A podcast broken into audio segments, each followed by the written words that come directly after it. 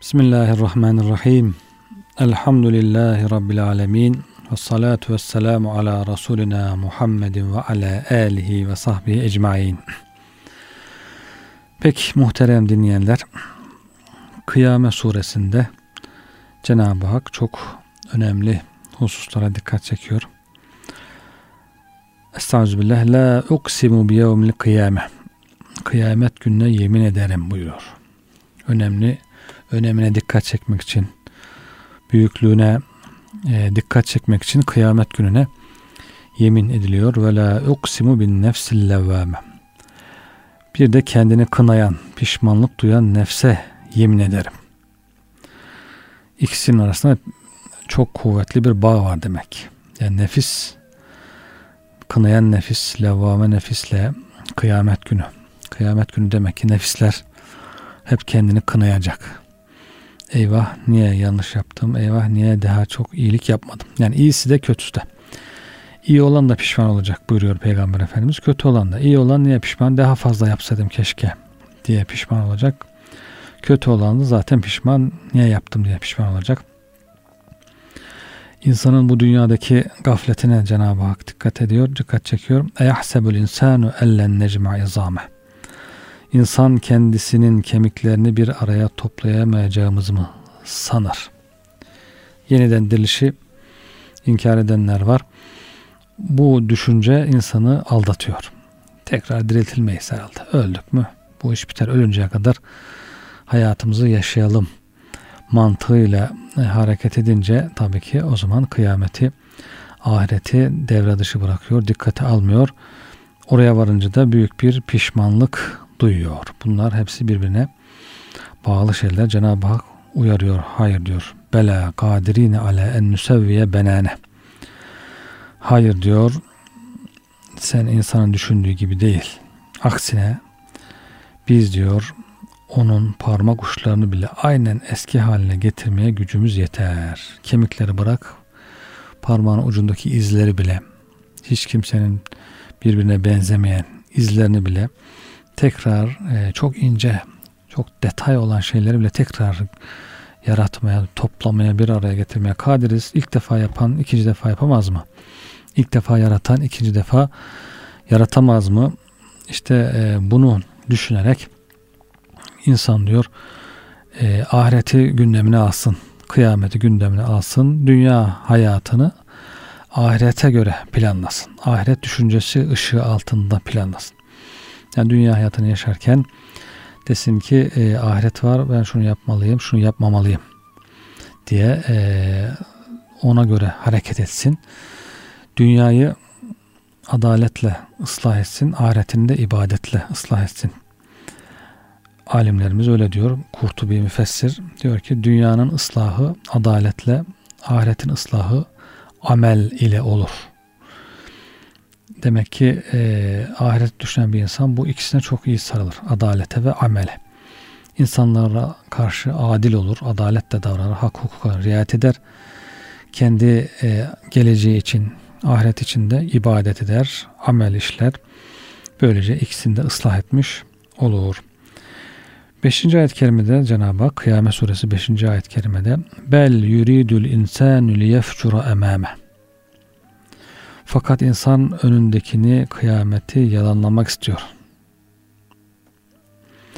Ayette yer alan ve kötülük etmek anlamında tercüme edilen yefcura fiilinin kökü olan el fecru herhangi bir şeyi genişçe yarmak demektir. Fücur aynı kökten türeyen ve içinde aynı anlam ruhunu barındıran fücur, fıskı fücur deriz ya biz kullanırız hep. Fucur kelimesi ise dindarlık perdesini yarmak. Allah'a itaati yarmak, itaatin dışına çıkmak, yırtmak demektir. Facir demek demek ki Allah'a itaat perdesini yaran, yırtan, dindarlığı yırtan ve günaha sapan insan demek. Fücura dalmak. Bazı alimlere göre el fücur kökü yarmak anlamına değil meyletmek anlamındadır. İkisi de olur. Yani yarmak, yarıp çıkmak, meyledip yoldan çıkmak. İkisi de yoldan çıkmak manasına geliyor. El kazip yalan söyleyen, el mükezzip yalanlayan, el fasık fasık olan, yine yoldan çıkan kişilerden her biri facirdir. Demek ki yalanlayan, yalan söyleyen, fısk, günah işleyen, itaatten çıkan herkes facirdir. Yani haktan yüz çevirendir. Nitekim bir bedevi Hazreti Ömer hakkında Allah'ım o fücur işlemişse onu bağışla demiştir ki yalan söylemişse onu bağışla demektir. Yalan manasında kullanılıyor. Bunların hepsi zaten fücurun bir şubesi oluyor. Sadi Müfti'nin yaptığı tahlillerin sonucuna göre ayetin anlamı insan bütün iradesini haktan yana meyletmek için kullanır demektir. Ebu Hayya'nın incelemesine göre ayette yer alan bel kelimesi önceki hükme atıfta bulunup onu iptal etmek için değil, ondan başka bir hükme intikal etmek için getirilmiştir. Buna göre mana facir insan gelecek kıyameti devamlı yalanlamak ister şeklinde olur. Bel yuridül insanü liyefcura emame. İnsan demek ki bugünkü deistlerin yaptığı işte bugünkü deistlerin için e, hesabı, kitabı yalanlamak istiyor. Rahatlamak istiyor. istediğini yapmak istiyor. Nefs ne isterse onu yapmak istiyor. O zaman yaratıcıyı kabul ediyor. Tamam Allah diyor bizi yaratmıştır. Her şeyi mükemmel var etmiştir. Ama kullarının iyilikleriyle kötülükleriyle ilgilenmez. Sevap günah yoktur. O zaman istediğimiz gibi yaşayalım. Nefsin çok hoşuna gidiyor tabi. Bütün nefis böyle bir şey ister. Böyle bir inancı kendisine kabul ettirir. Kendisi buna inandırırsa belki şuur altına inanmıyor ama zorla üstten inandırmaya çalışıyor işte. Böyle bir şey var. O zaman diyor istediğimiz gibi yaşayabiliriz diye. Tabii ki sonu ne oluyor? Sonu bu surenin başında ifade edildiği gibi e, nefsi levvame kendisini ayıplayan, kınayan bir nefse varıyor. Eyvah diyor ben ne yapmışım, neden böyle yapmışım diye yanlışını fark ediyor ama iş işten geçmiş oluyor. Bazı alimlere göre yukarıdaki ayet daha önce geçen insan zan mı ediyor fiiline matuftur. Eyahsebül insanu fiiline matuftur. Buna göre bel ya, ya daha önce geçen azarlamayı bir yana bırakarak ikinci bir azarlamaya geçişi ifade etmektedir. Ya da bu sorudan sonra intikal edilen olumlu bir cevabı ifade etmektedir. Bu ihtimal daha beli ve daha uygundur. Bütün bu açıklamaların ışığı altında ayet, ayet-i kerimeye mana vermek gerekirse tam tersine insanoğlu gelecek zamanda günahlarına devam etmeyi istiyor. Bunlardan vazgeçmek istemiyor denmiş olmaktadır. Yani insan günahını devam etmek istediği için e, yeniden dirilişi inkar ediyor, hesabı inkar ediyor, kitabı inkar ediyor, günahı sevabı inkar ediyor. İşte diyor bunun yasak olduğu nerede geçiyor diyor. Kur'an'da var mı diyor. Kur'an'da açıkça ifade ediliyor mu diyor. İşte birisi diyor ki başörtüsünün Kur'an'da olduğunu bana gösterirseniz başımı örteceğim diyor. Kendine göre böyle e, inkarlarda bulunuyor. Çıkış yolları arıyor, bahaneler arıyor, açıkça bir ifade arıyor, teviller yapıyor, yorumlar yapıyor. Halbuki İslam bir bütün Kur'an, sünnet, icma, kıyas esaslarıyla ortaya konulmuş bir bütündür. Kur'an-ı Kerim'de zaten bunu söylüyor. Diyor ki Resulullah'a sorun, alimlere sorun, kıyas yapın, e, ölçün, biçin diye emirler veriyor. Bunları dikkate almadan her şeyi Kur'an-ı Kerim'de açıkça anayasa maddesi gibi yazılı olarak bulmak istiyor bazı insanlar. Bunlar hepsi işte o nefsin günaha devam etmek istemesinden kaynaklanan bahaneler. Ayette yer alan emam, ön kelimesi gelecek zamanı ifade etmektedir. Gelecek zamanı, kıyameti, yeniden dirilişi, başına gelecekleri inkar etmek istiyor. Rağıp el-İsfahani'nin ifadesine göre Ayetin manası insanoğlu günahına devam ve onu işlemek için hayat istiyor. Yaşamayı arzu ediyor şeklindedir. Yani ölmek istemiyor. Fücurla hayatına devam etmek istiyor. Bel yuridül insanu liyefcura emame. Böyle önünde uzunca fücur işleyip durmak istiyor. Ölmek istemiyor. Yaşamak ve fücur işlemek istiyor. Bazılarına göre bu ayetin anlamı insan günah işlemek istiyor ve yarın tövbe ederim diyor. Sonra da bunu yapmıyor veya yapamıyor. Liyefcura emem önündeki bir vakte kadar günah işleyelim diyor. Yani ya şimdilik genciz daha bakalım. Gençliğimiz bir yaşayalım. İleride yaşlanınca Emekli olunca tövbe ederiz, işte namaza başlarız, ibadete başlarız, günahları terk ederiz gibi. Böyle geleceğe atıyor, geleceğe havale ediyor. E, bu da tabii ki ömrün ne zaman biteceği belli olmadığı için son derece tehlikeli bir tercih. Böylece yapmış olduğu bu hareket söz verip yerine getirmediği için fücur oluyor. Kaşifi demiştir ki yeniden yaratılma ve hesap verme konusunda önünde duran şey hakkında insan yalan söylemek ister. Yani yeniden dirilişi ahireti vicdanen kabul ediyor ama işte nefsinin isteklerini yerine getirebilmek için heveslerini, arzularını yerine getirmek için e, bunun olmayacağını söylüyor. Önderler bilhassa kanaat önderleri insanları yönlendirirken işte bu tür doğmalara inanmayın. Bu tür işte e, realist olmayan, rasyonel olmayan, tecrübeyle sabit olmayan, tecrübe edilemeyen şeylere inanılmaz. Biz bilim çağında yaşıyoruz. İşte bilimle ahiretin yeniden olacağını keşfet, e, ispat edemeyiz. Yeniden dirilişi ispat edemeyiz gibi yalan söylüyor. Liyefcura emem hani fücurda yalan manası da var demiştik ya. Fücurda yalan yalanlamak manası da vardı. İnsan geleceği yalanlamak istiyor. Yalan diyor. E, kendisini takip eden, kendisini dinleyen insanlara yalan söylüyor. Onları aldatıyor. Bu şekilde e, fücura düşüyor, günaha giriyor.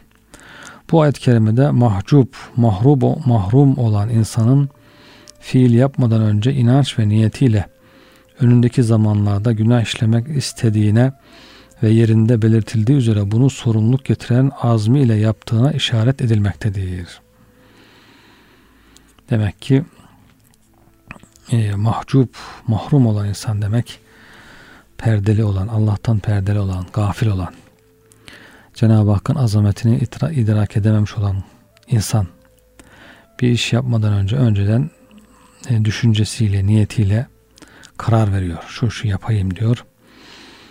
istiyor. Sonra da iradesini kullanarak azmederek bu işi yapıyor ve böylece bir sorumluluk, bir vebali yüklenmiş oluyor. Bir günahı yüklenmiş oluyor.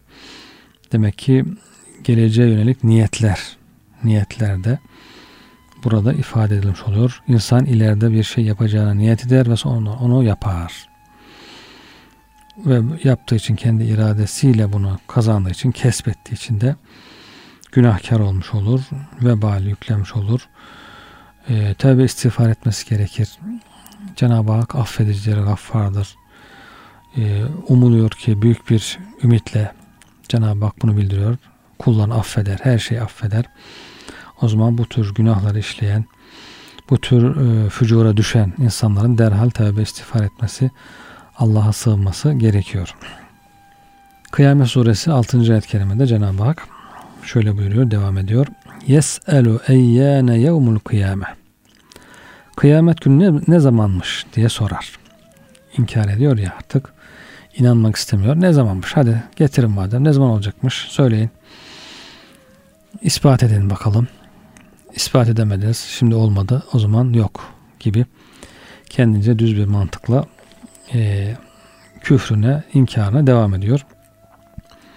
Buradaki soru kıyametin ne zaman kopacağını öğrenmek için değil, inanmadığını, uzak gördüğünü ifade eden bir husustur. İstifhamı inkari dedikleri Arapçada inkar etmek için soruyor. Yani böyle bir şey var mı? Hani ne zamanmış? Hani neredeymiş? Yok manasında. Sanki bu ayet önceki ayetin açıklanması için sorulan bir sorunun cevabı mahiyetindedir. İnsanoğlu haktan uzaklaşıp günah işlemek istediğinde ne yapıyor?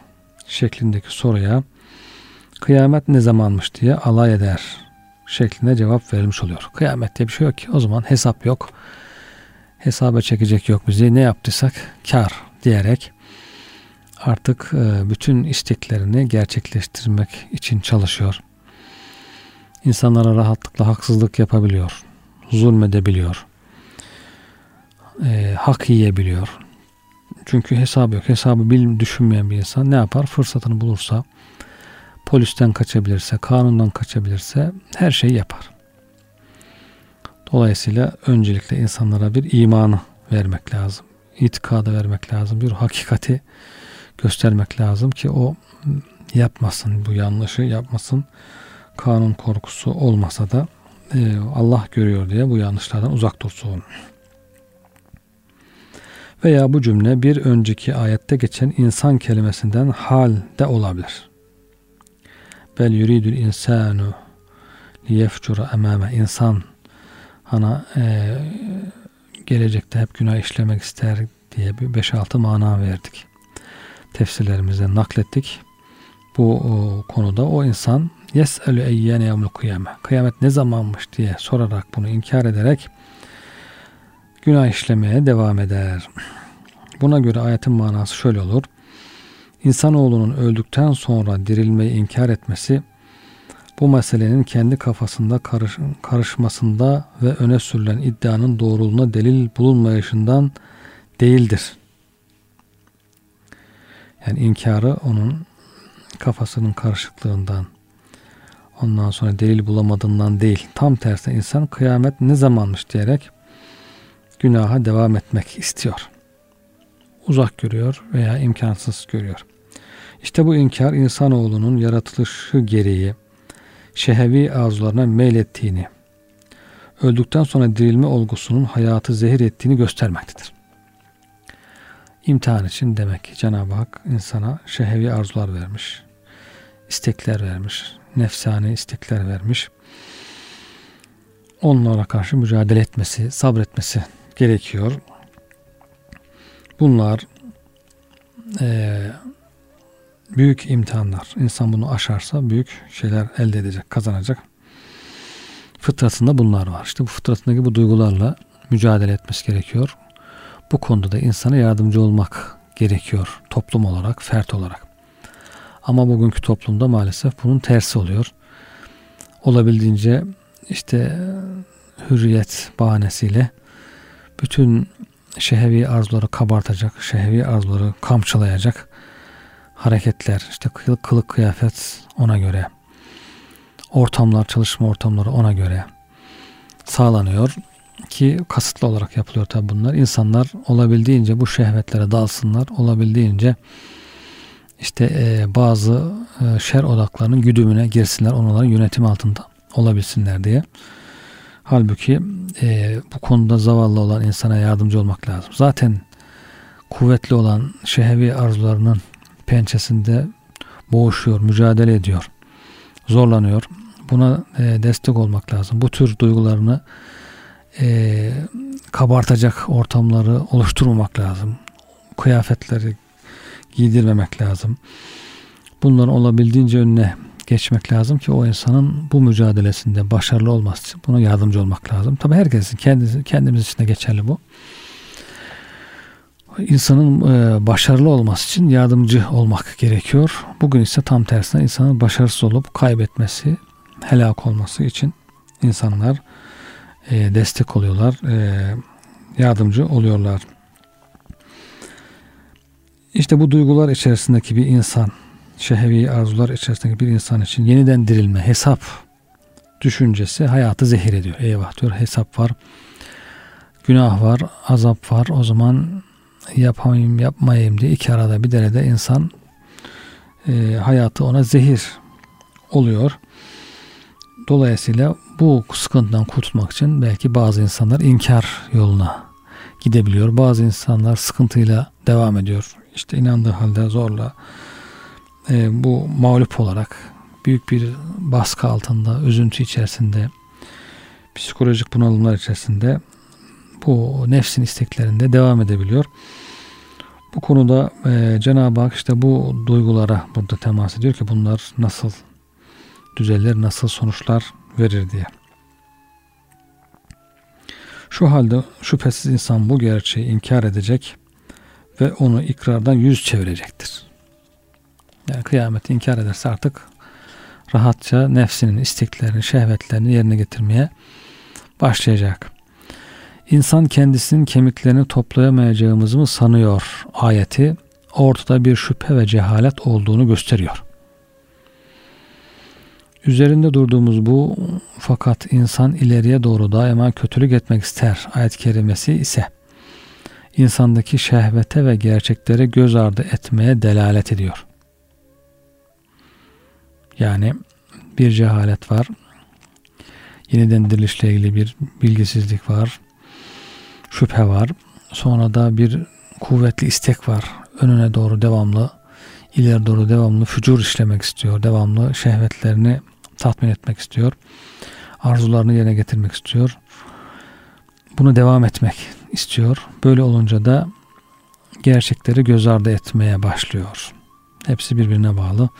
Bu sefer hesabı inkar etmeye, kıyameti inkar etmeye başlıyor. O halde bu iki ayet iki ayrı şahıs açısından gerçekleri ifade etmektedir. Üzerinde durduğumuz ayette mahcup, perdeli olan insanın zulmani nefsi sebebiyle mahrum olduğu için kıyamet ne zamanmış diye sorduğuna her saat, her lahza hatta her göz açıp kapama esnasında ifna, yok edici, ibka, var edici, ebedi kılıcı tecellilerin ardına gelmesi dolayısıyla kıyametin gerçekleştiğini göremediğine işaretler vardır. Tasavvufi yorumu bu da ayetin mahcup perdeli insan, gafil insan, şehvetlerinin ne mağlup olmuş insan, Cenab-ı Hak'tan uzak kalmış insan, kalben uzak kalmış insan, nefsinin o karanlık istekleri sebebiyle kıyamet ne zamanmış diye soruyor. Halbuki her zaman, her an, her lahza Cenab-ı Hak var ediyor, yok ediyor. İfna, ibka. Yaratıyor, yok ediyor, öldürüyor, diriltiyor. Bu tecellileri görmüyor. Halbuki her an kıyamet olup duruyor. Her an yeniden diriliş devam ediyor. Yani beklemeye gerek yok. Şu anda da oluyor kıyamet. Ölenler var, doğanlar var. Hem ölümler hem yeniden dirilişler var. Bu şu anda da devam ediyor yani. Kıyametin zamanını sormaya, beklemeye gerek yok. Bu tecelliler devam ettiği halde insan bunu görmüyorsa demek ki büyük bir perde, kalın bir perde arkasında, büyük bir gaflet içerisinde. Nitekim bu tecellilerin ardarda arda zuhur ettiği ve her an kıyametin gerçekleştiği şu ayet-i kerimede vurgulanmaktadır. Kaf suresi 15. ayet-i kerime. Hayır onlar yeni bir yaratma hususunda şüphe içindedirler. Yani onlar yeniden yaratma, yeniden dirilme konusunda şüphe içindedirler. Halbuki her an bu gerçekleşiyor. Belhum fi lebsin min halkın cedid. Yeni bir yaratma hususunda onlar şüphe içinde. Halbuki kainat devamlı teceddüt ediyor. Her an yeni yaratılışlar devam ediyor. Her an yeniden yaratma gerçekleşiyor. Feiza berekal basar. Kıyamet suresi 7. ayet. Cenab-ı Hak bu insanın şüphelerini ortaya koyduktan sonra onun e, bu halini kınadıktan sonra, azarladıktan sonra diyor ki feize berekal basar. İşte göz kamaştığı zaman. Yani gözün hayretle seyirdiği, kıyametin dehşetinden korkarak hareket ettiği ifadesi insanın şimşeye bakıp da dehşete düşmesinden alınmadır. Şimşeye bakıp nasıl dehşete düşerse insan kıyameti görünce de aynı şekilde e, dehşete düşüyor, korkuyor. İşte bu kullanım daha sonraları gerçekte şimşeye bakıp da hayrete düşme olmasa bile her türlü hayrete düşme fiillerinde kullanılır olmuştur. Yıldırım çakınca, şimşek çakınca nasıl insan birden şaşırıyor, birden bakıyor, korkuyorsa bu tür korkular yaşadığı her olay için bu bereka fiili kullanılmış oluyor. İşte o korkulu an, kıyametin korku anını yaşadığı zaman ve hasefel kamer ay tutulduğu zaman, ay söndüğü zaman, ışığı kaybolduğu zaman bazı alimlere göre hasıf kökü noksanlık anlamındadır. Noksanlaşmak. Bu kök hem vasıf ve hem de zatlarda kullanılır. Ay tutulması diyoruz. Yavaş yavaş noksanlaşıyor, yok oluyor. Bu ayet-i kerimede aya tapanlara bir red de vardır. Aya tapanlar bir müddet sonra bakacaksınız ay yok oluyor. Sizin ilahınız yok oldu gitti. Çünkü ay eğer kendisine tapan kişilerin iddia ettikleri gibi şayet ilah olsaydı kendisini savunurdu ay tutulması olayı olmaz ve ışığı gitmezdi. Böyle bir kusura maruz kalmazdı. Husuf ve küsuf. Husuf ay tutulması için kullanılıyor. Küsuf güneş tutulması için. ışık veren iki kaynaktan birinin ya da bir kısmının ışığı gitti, çekildi, kayboldu demektir. İkisi de aynı manayadır. E, ay bu ay tutulması tabii ki kıyamette artık tamamen yok olması manasında kullanılıyor. Yoksa e, dünyadaki bizim gördüğümüz, seyrettiğimiz ay tutulmalarından bahsetmiyor. Salatul kusuf ve e, vardır işte namaz, ay tutulması, güneş tutulması namazı müekket bir sünnettir. Güneş ya da ay tutulduğunda insanlar namaza sığınırlar. Yani aman bir musibet gelmesin diye Allah'a sığınıyor. Tesbihe sığınıyor, sadaka veriyor, istiğfar ediyor. Efendimiz bunları tavsiye ediyor. Güneş tutulması namazı iki rekatlı nafile bir namazdır. Küsuf namazını insanlara cuma imamı kıldırır. Namazda kıraat uzatılır. İmam kıraatını açıktan yapmaz ve bu namazda hutbe yoktur. Ay tutulması namazında ise insanlar bir araya toplanmazlar. Herkes namazını evinde kılar ve bu namaz diğer nafile namazlar gibi iki rekat olarak kılınır. Tabii ki burada bu ayetteki ay tutulması artık e, kıyametin koptuğu esnasında ayın yok olması. Ve cümi'aş şemsu vel kamar.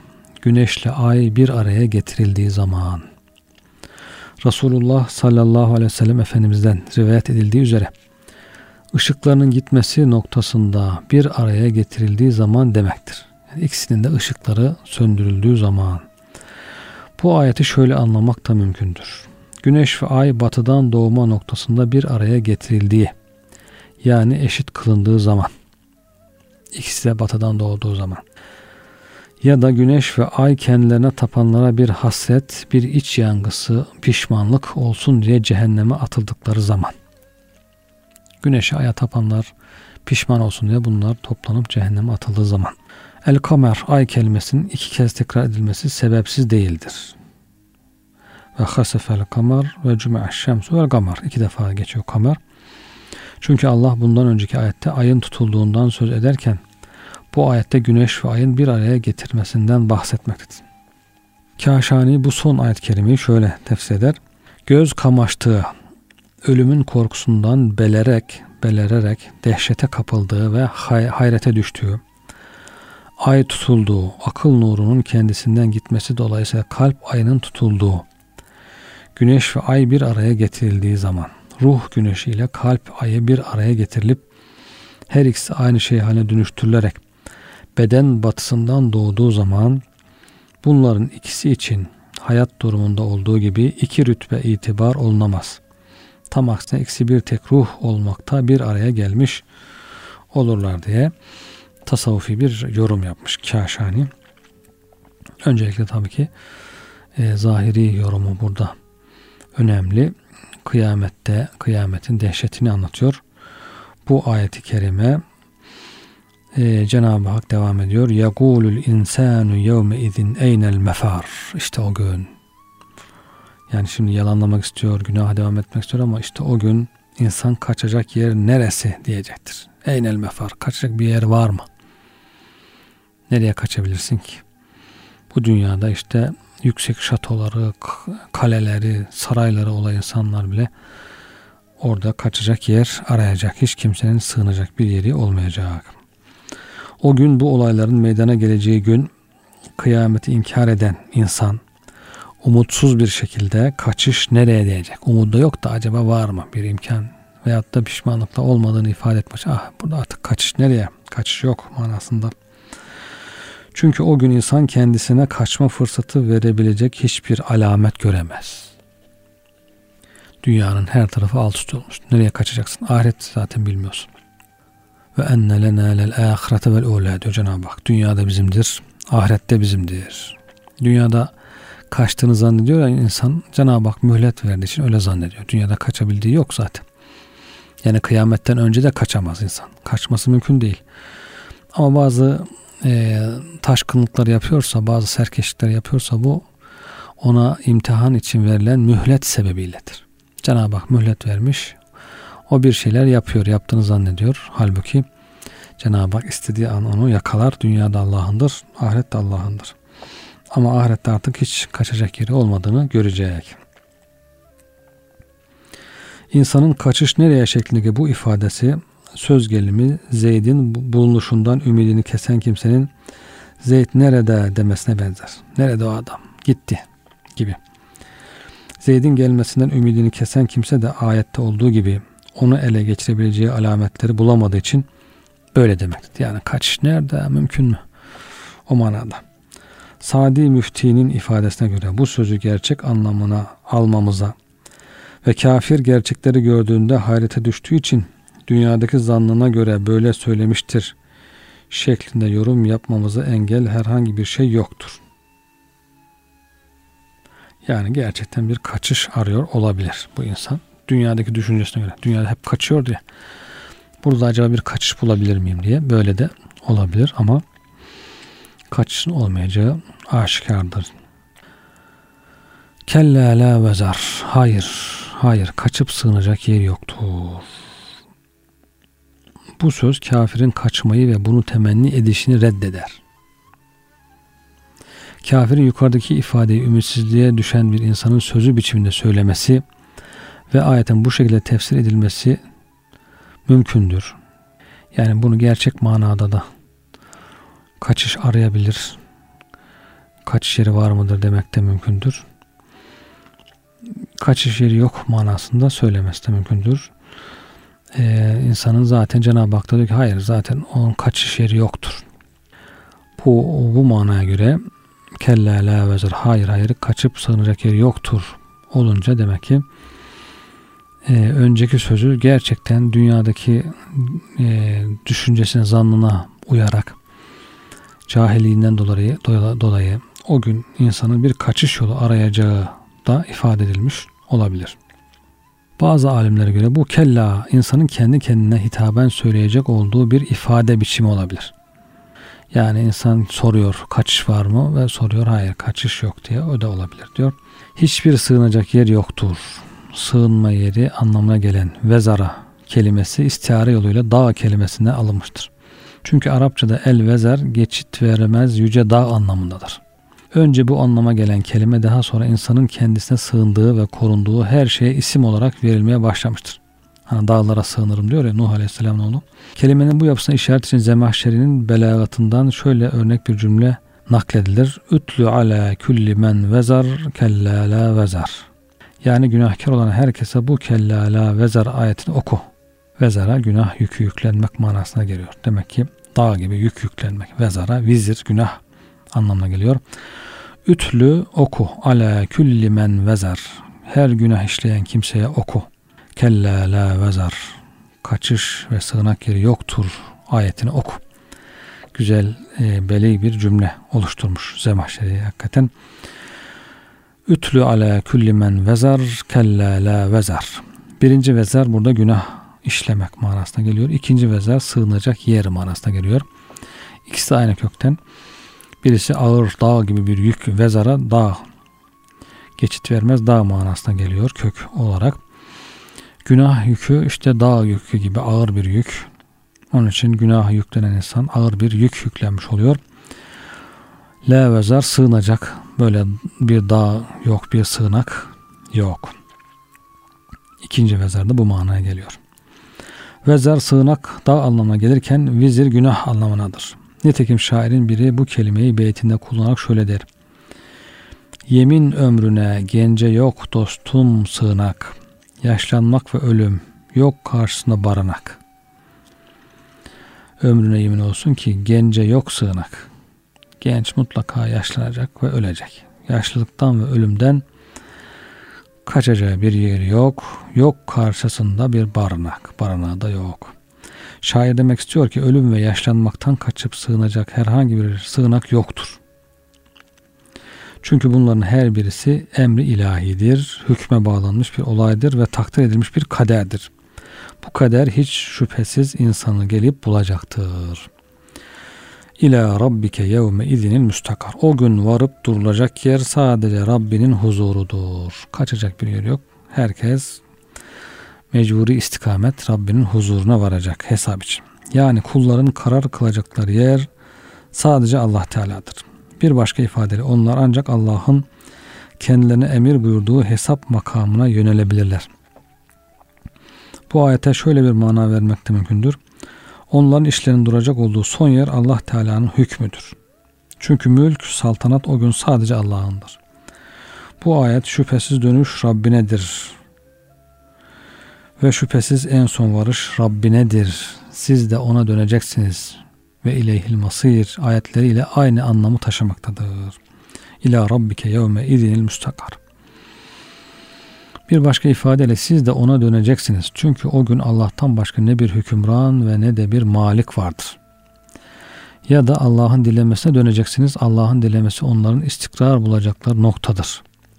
Ve Allah dilediğini cennete, dilediğini cehenneme koyacaktır. Yaptığımız bu tefsire göre üzerinde durduğumuz ayet-i kerimede yer alan müstakar kelimesi mekan ismi olmuş olur.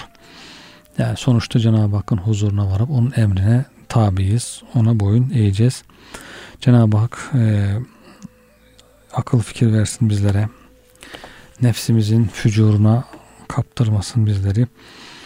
Kıyamete, ahirete güzel bir şekilde hazırlanmayı, o gün bu zorlukları yaşamamayı nasip eylesin. Korkulardan emin olan kullarına eylesin inşallah. Kıymetli dinleyenler. Kıyamet suresine devam edeceğiz inşallah. Gelecek programda görüşmek üzere efendim. Allah'a emanet olunuz.